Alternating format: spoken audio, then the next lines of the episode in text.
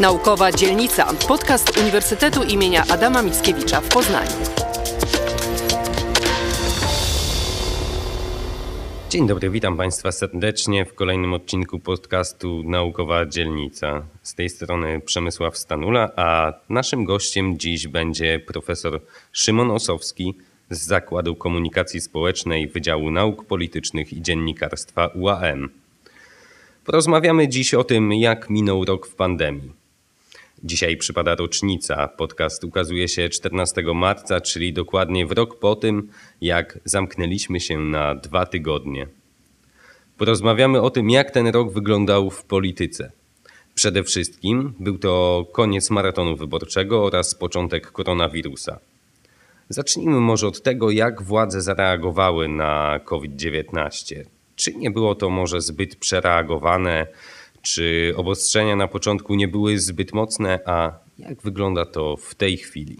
Myślę, że to jest pewien truizm. Koronawirus zaskoczył wszystkich także władze państwowe i oczywiście decydenci polityczni nie byli do niego e, przygotowani, o czym świadczą pierwsze wypowiedzi zarówno osób ze strony rządowej, ale i także chociażby z Sanepidu. No, media co jakiś czas je przywołują. Mm, proszę pamiętać, że koronawirus e, rozpoczął się w momencie, kiedy już była w miarę mocno rozkręcona kampania wyborcza prezydencka. I tutaj połączenie jednego z drugim spowodowało, że mieliśmy no, bardzo wiele interesujących, ale i także można by powiedzieć nie do końca mm, pożądanych działań w tym roku. Proszę pamiętać, że mm, koronawirus zatrzymał tak naprawdę kampanię w tym takim swoim tradycyjnym e, rozumieniu, czyli tą kampanię bezpośrednią. Mm, rozpoczął się wów wtedy, kiedy e, no, już było mniej więcej wiadomo, że do drugiej tury wejdzie urzędujący prezydent i najprawdopodobniej najprawdopodobniej kandydatka, no prawie na pewno można powiedzieć, kandydatka, kandydatka e, koalicji obywatelskiej. E, także ja myślę, że to połączenie jednego z drugim spowodowało, że rządzący mieli przede wszystkim duży znak zapytania, co jest priorytetem dla władz. Czy priorytetem jest walka z jakimś tam wirusem, który no, przynajmniej na początku e, był pewnie nie do końca rozpoznany, a na pewno przynajmniej na początku bagatelizowany. Po drugie, no jednak mm, to, co pan redaktor powiedział na początku, no były wybory i rok 2020 to były ostatnie wybory z tego tak zwanego maratonu, czyli zaczęło się w 2018 roku wyborami samorządowymi, potem wybory do Europarlamentu, do Parlamentu Polskiego i, no, i to był koniec tego e, maratonu i było wiadomo, że po wyborach prezydenckich będziemy mieć taki no, dłuższy okres e, bez żadnej elekcji. No, te wybory różnie oceniać, ale potwierdziły z jednej strony prymat e, Prawa i Sprawiedliwości, a w zasadzie Zjednoczonej Prawicy, bo chwilę później w tym roku okazało się, że PiS jednak jest koalicją, o czym dobrze e, pokazał Jarosław Gowin i jego ugrupowanie. E, ale z drugiej strony no, mm, okazało się, że to, co jeszcze kilka lat temu, w 2017-2018 roku pojawiało się, czyli niektórzy zwracali uwagę, czy Polska pójdzie mm, tym tropem Węgier, czyli że większość konstytucyjna, zmiana konstytucji, okazało się e, no, chybione. PiSowi ledwo udało się wygrać e, wybory do Sejmu. Wbrew wielu opiniom krytycznym udało się odbić Senat.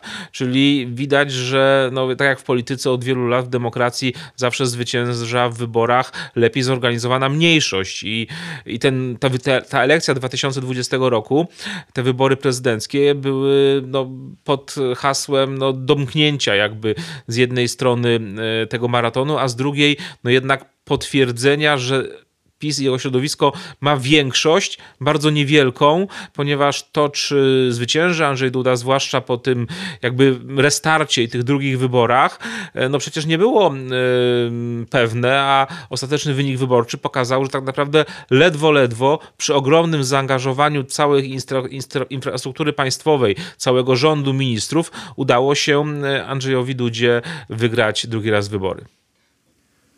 Tutaj też trzeba pamiętać o tym, że wybory nie odbyły się w pierwotnie zakładanym terminie i to rzeczywiście była decyzja koalicjanta Zjednoczonej Prawicy.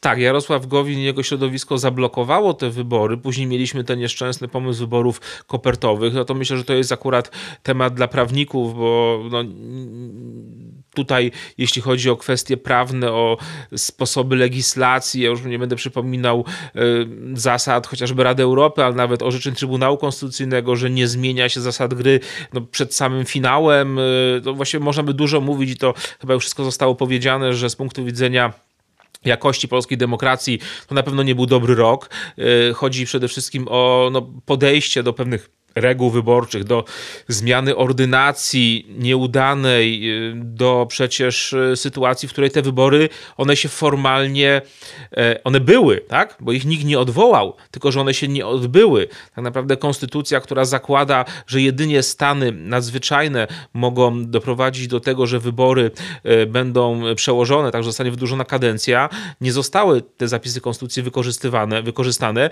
i wracając do tego, co pan redaktor zaczął, myślę, że przez COVID no, oczywiście przewidywanie w polityce, w nauce też jest trudne, ale no, biorąc pod uwagę to, że ten COVID bardzo mocno wpłynął na życie społeczne, no było wiadomo, że on wpłynie na sondaże partii rządzącej. Tak w tym sensie rządzący mieli pecha, otrzymali COVID i, i, i obojętnie pewnie kto by nie rządził, no to niezadowolenie społeczne by się pojawiało. Czyli było wiadomo, że to są ostatnie miesiące, gdy Andrzej Duda ma szansę na zwycięstwo, bo później, skoro tak bardzo był utożsamiany z PiSem, negatywna ocena działań rządu by przełożyła się także na szansę prezydenta Dudy. W maju e, większość Polaków była zadowolona z działań państwa, jeśli chodzi o COVID. Tak? No, pierwsze te tak zwane tarcze, to wszystko lepiej działało. E, w listopadzie już zdecydowanie dominowały negatywne komentarze, więc myślę, że tutaj ten COVID spowodował, iż no, głównym, zresztą słyszeliśmy latem podczas kampanii wyborczej, gdzie premier mówił, że w zasadzie już nie ma się czego bać. Mówił to do emerytów, czyli do głównego e, elektoratu urzędującego prezydenta, e, dzięki któremu myślę, że te wybory w dużej mierze wygrał. A więc wszystko to doprowadziło do tego, że tutaj y, trzeba było te wybory zorganizować w miarę szybko, bo na jesieni już mógłby być inny rezultat. A z drugiej strony opozycja, myślę, że widząc, y, gdzie Rafał, gdy Rafał Trzaskowski stał się tym kandydatem, widać było, że on w tych sondażach bardzo dobrze y, wypada.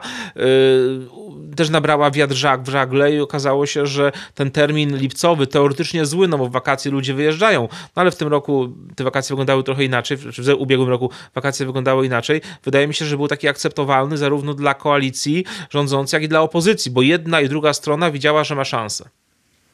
Tak jest, na pewno nie tylko oni zauważyli, że mają szansę, bo podczas tych wyborów mieliśmy czarnego konia, jakim stał się Szymon Hołownia.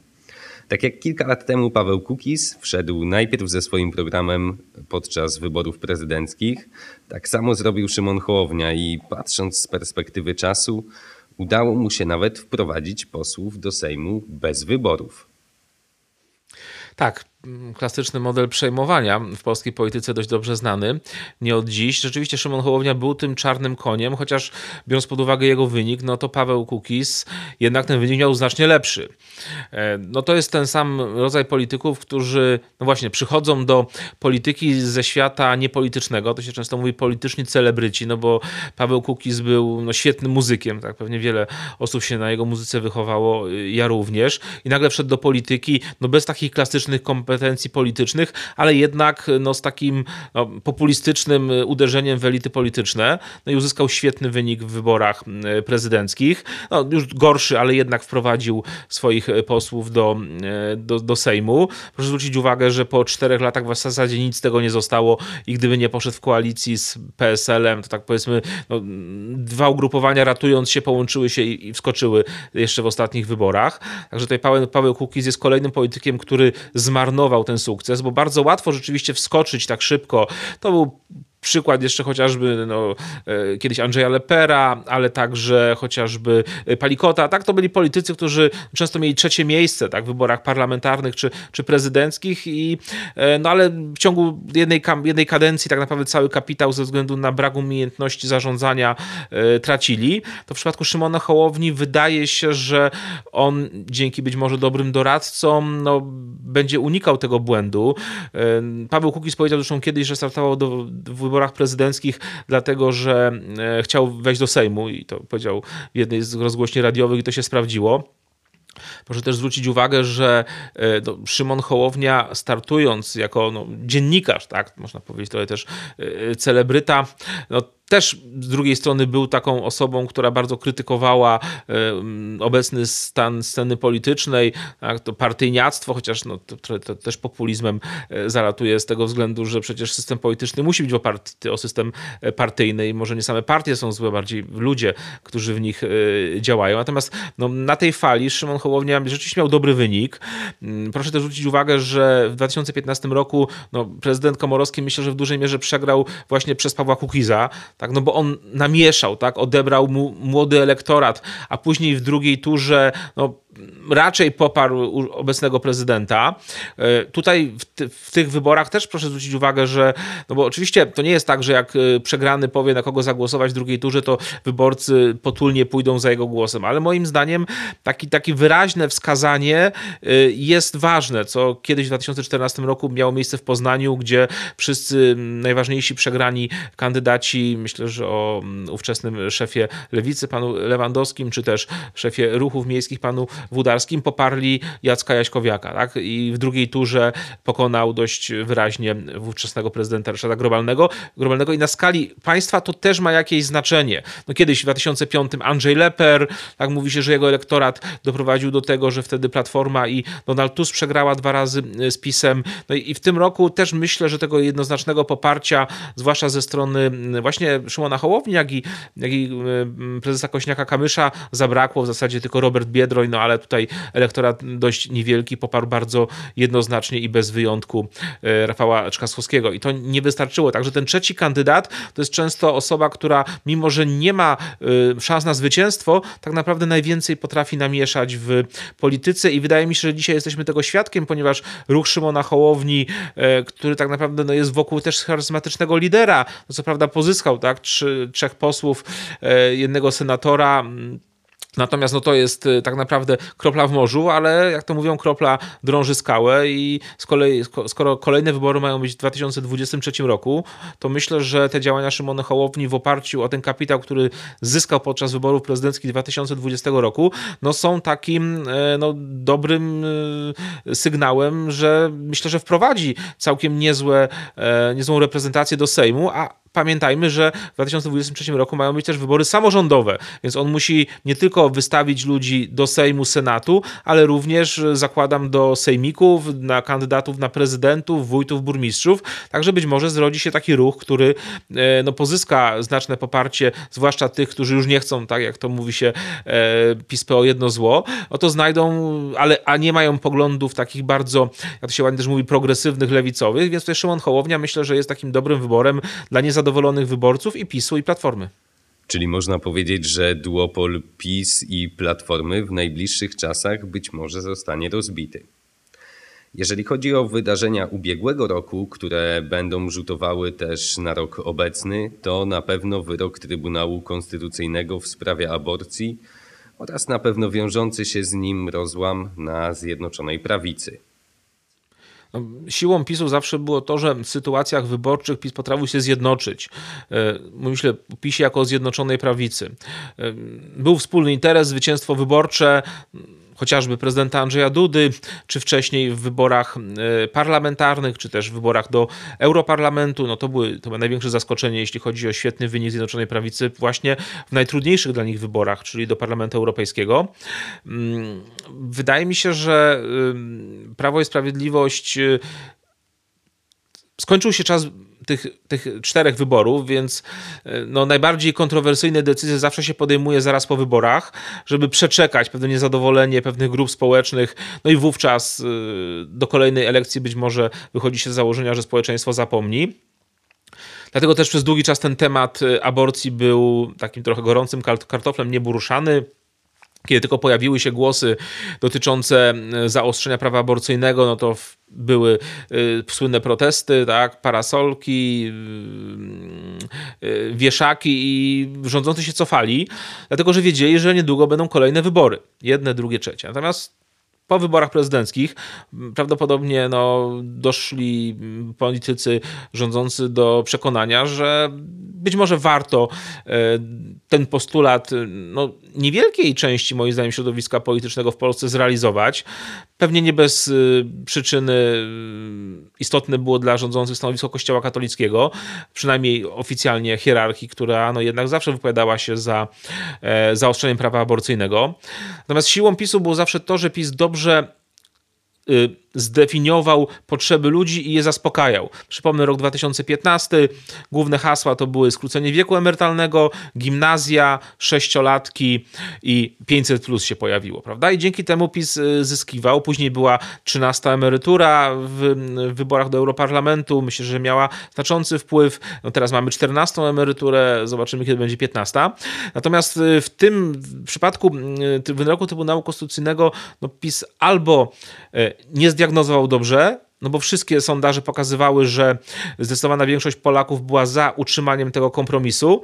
Teraz coraz więcej sondaży pokazuje, że zgodnie z zasadą wahadła, no jak przegięto w jedną stronę, to coraz więcej, y, coraz, coraz większa część polskiego społeczeństwa jest nawet za liberalizacją tego prawa. I tu ciekawie się wpisuje pan Szymon Hołownia, który z jednej strony jest konserwatystą, a z drugiej strony no przynajmniej broni y, tego kompromisu sprzed dwudziestu paru lat. Także myślę, że tutaj PiS y, albo przekalkulował, albo uznał, że i tu wracamy do pandemii, ponieważ bardzo wiele raportów międzynarodowych mówi, chociażby ostatnio Freedom House, że politycy w różnych państwach wykorzystują pandemię do konsolidacji władzy i ograniczenia pewnych wolności. No wiadomo, chodzi o bezpieczeństwo, trzeba chronić obywateli, no to zakazujemy tego i owego. No i tutaj proszę zwrócić uwagę, że jednak wyrok był wówczas, kiedy no, obowiązywało przynajmniej no, formalnie zakaz zgromadzeń. Ja już pomijam kwestię wydawania na podstawie rozporządzeń, co zresztą wydaje mi się, że pokazuje doskonale znaczenie Senatu, bo gdyby, e, bo dlaczego powstają, jest to wszystko w rozporządzeniach? No bo w normalnej drodze legislacyjnej musiałoby przejść Senat, czyli trwałoby to prawdopodobnie za długo, o czym doskonale przedstawiciele obecnej władzy przekonali się podczas niedoszłych wyborów majowych, kopertowych. Więc wszystko to podsumowując, myślę, że tutaj PiS no, albo przeszarżował, albo po prostu spełnił postulaty część swojego, część swojego środowiska, no i teraz zbiera tego e, owoce. Myślę, że to może bardzo mocno wpłynąć na decyzję wyborczą 2023 roku, ponieważ do tego czasu nic się tak naprawdę moim zdaniem specjalnie zmienić nie może, jeśli chodzi o zmiany prawne. No, zresztą to nie jedyny mm, brak, myślę, no, myślenia elektoratem już. Być może władza się zużywa i przestaje o tym myśleć, chociażby biorąc pod uwagę tą słynną piątkę dla zwierząt. Nic z niej nie wyszło, ale jednak e, protest, chociażby ostatnio Agrounia w Poznaniu, przerywając konferencję e, premiera Morawieckiego, pokazała, że rolnicy, czyli ta dość istotna grupa społeczna dla PiSu, no też się od nich odwracają. Młodzi już się odwrócili. W 2015 roku prezydent Duda wygrał wśród ludzi młodych. W zeszłym roku no, przegrał dramatycznie i to pewno się nie zmieni. Także być może jest to trochę okres schyłkowy, a pamiętajmy, że w każdym okresie schyłkowym no, ludzie próbują uciekać tak, z tonącego okrętu. I to jest właśnie pytanie może odpowie, albo odpowiedź na to, dlaczego tak uaktywniła się zarówno partia Jarosława Gowina, jak i Zbigniewa Ziobry. Oczywiście to może poprowadzić do nowej jakości w polityce. Kończąc ten nasz krótki jakkolwiek przegląd roków pandemii, zajrzyjmy za ocean. Zobaczmy, co stało się z absolutnym liderem prawicy, nie tylko w Stanach, ale myślę, że też na świecie, 45. prezydentem USA Donaldem Trumpem, na którego patrzyli przywódcy z całego świata on przegrał te wybory, to Joe Biden stał się kolejnym prezydentem USA i to również dzięki wyborom kopertowym, które u nas się nie odbyły. Każdy system wyborczy jest inny, więc tutaj ja bym no, nie porównywał sposobów głosowania. W Stanach Zjednoczonych głosowania elektroniczne funkcjonuje od lat. Przypomnę, kiedyś na Florydzie liczono głosy i e, no, powiedzmy, że Al Gore ustąpił, tak? a nie zrobił tego właśnie, co. A też miał podstawy do, do pewnych protestów, tak? Jednakże przyznał, że przegrał te wybory i to było moim zdaniem bardzo dobre posunięcie z jego strony i też cieszę się, że doktorat honoris causa tak, u nas na wydziale e, wisi, ponieważ Al Gore na pewno na niego mm, zasłużył, chociażby moim zdaniem tą postawą podczas wyborów prezydenckich, czyli potrafił oddać e, no, władzę, tak, potrafił ustąpić, przyznać się, że przegrał, a to jest moim zdaniem bardzo ważne i tego polscy politycy nie, nie potrafią. Trump rzeczywiście był takim, no, był politykiem określonym jako populista. E, nie jeden, tak, często się mówi o populistach, populistach narodowych, tak, prawicowych, to często się Orbana rzuca do tego garnka, myślę o raportach Freedom House, The Economist, tak, to, to jest bogata literatura. Także patrząc na Zjednoczoną Prawicę, najczęściej mówi się, że są to narodowi populiści. Z drugiej strony oczywiście mamy też populistów lewicowych, chociażby Berniego Sandersa, Podemos. Natomiast mówi się, i to zwraca się uwagę znów COVID, że COVID jest sprawdzianem dla władzy i że populiści świetnie sobie radzą, ponieważ oni często mają dobrą diagnozę, na przykład zbyt duże różnice społeczne, finansowe, co powodują, że jest nierówny rozkład dochodów, natomiast nie, nie radzą sobie w sytuacjach kryzysowych. A takim kryzysem jest y, pandemia COVID-u i że to właśnie ten, ta pandemia być może spowoduje, że ze względów no, na to, że bardzo łatwo nieraz stworzyć e, dobrą ocenę sytuacji, ale bardzo trudno znaleźć rozwiązania, populiści będą przegrywać, bo nie sprawdzają się w rządzeniu w sytuacjach kryzysowych i wydaje mi się, że Trump jest tego przykładem, a już sposób, jaki oddał tą władzę, e, myślę, że na dobre chociaż oczywiście ma duże poparcie cały czas, to jest jakby inna kwestia, ale no dobre pokazał, że no, to nie jest rodzaj polityka, też politycznego celebryty, który przyszedł no właśnie spoza polityki i został nim, został prezydentem i cały jego styl działania powoduje, że no, nie radzą sobie w czasach trudnych. I to oczywiście jest pytanie, czy to się przełoży także na inne, na inne pa, państwa, na inne części świata. Zobaczymy. Na pewno y, no, nasi rządzący, mówiąc o władzach polskich, tutaj trochę postawili nie tylko na Stany Zjednoczone, co jest jasne, że ten sojusz nasz nadal będzie funkcjonował, natomiast personalnie bardzo mocno na samego Donalda Trumpa i oczywiście no, Joe Biden nie jest osobą, która, jak jego, jego zaplecze, które nagle się obrazi na politykę polską, tak?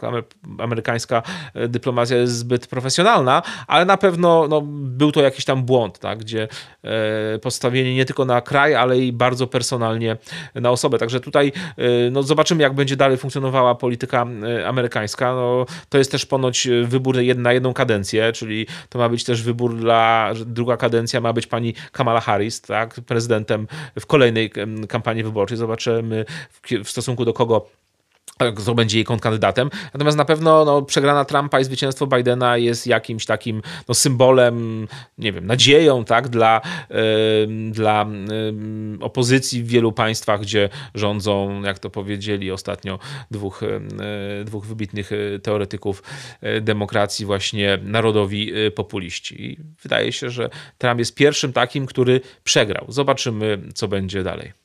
Bardzo dziękuję panie profesorze. Moim i państwa gościem był profesor Szymon Osowski z Zakładu Komunikacji Społecznej Wydziału Nauk Politycznych i Dziennikarstwa Uniwersytetu imienia Adama Mickiewicza w Poznaniu. Dziękuję bardzo.